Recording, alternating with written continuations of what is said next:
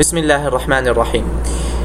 هذه قراءة صوتية لكتاب النبأ العظيم نظرات جديدة في القرآن الكريم للدكتور محمد عبد الله دراز رحمه الله.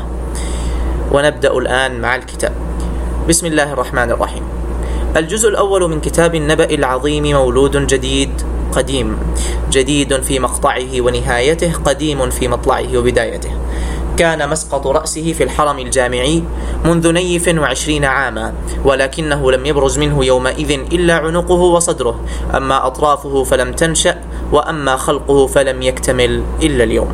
لقد شهد طلاب الأمس بداية أمره حين كان يملى عليهم نجوما متفرقة في فترات متلاحقة أو غير متلاحقة وكانوا كلما اجتمعت منه صفحات معدودة لا تزيد عن عقد وبعض عقد استعجلوا طبعها وجعلوا يستحثون همة المؤلف لوضع لاحقتها.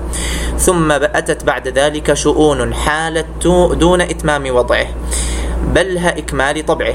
فبقي القدر الذي طبع منه حبيسا في دار الطبع أو مقصورا على الرعيل الأول من طلاب هذا البحث حتى أذن العلي القدير. وكل شيء عنده بمقدار أن يضيف المؤلف إليه خليات أخر اكتمل بها قوامه. وأخذ بها أهبته للخروج من نطاق الثقافة الجامعية إلى فضاء الثقافة العالمية لكي يتحدث إلى كل عقل واع ناقد لا يأخذ ما يأخذ إلا على بصيرة وبينة ولا يذر ما يذر إلا على بصيرة وبينة وإلى كل وجدان تجريبي ذائق لا يكتفي بالخبر عن المعاينة ولا يستغني بالوزن عن الموازنة.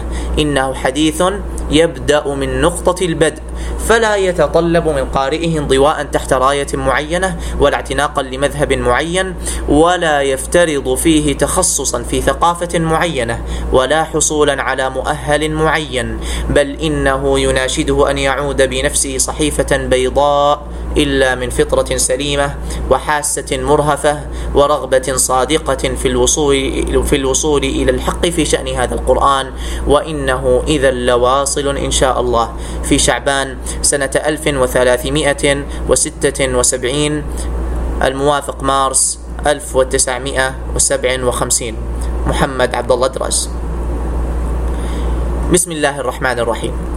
الحمد لله الذي فضلنا بالقرآن على الأمم أجمعين وآتانا به ما لم يؤت أحدا من العالمين أنزله هداية عالمية دائمة وجعله للشرائع السماوية خاتمة ثم جعل له من نفسه حجة على الدهر قائمة. والصلاة والسلام على من كان خلقه القرآن ووصيته القرآن وميراثه القرآن. القائل خيركم من تعلم القرآن وعلمه.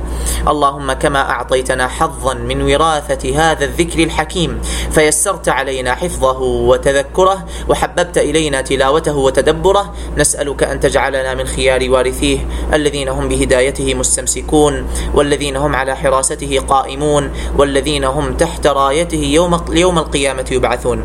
في جند إمامنا الأعظم ورسولنا الأكرم محمد بن عبد الله صلى الله عليه وسلم وعلى آله وأصحابه وأتباعه وأحبابه.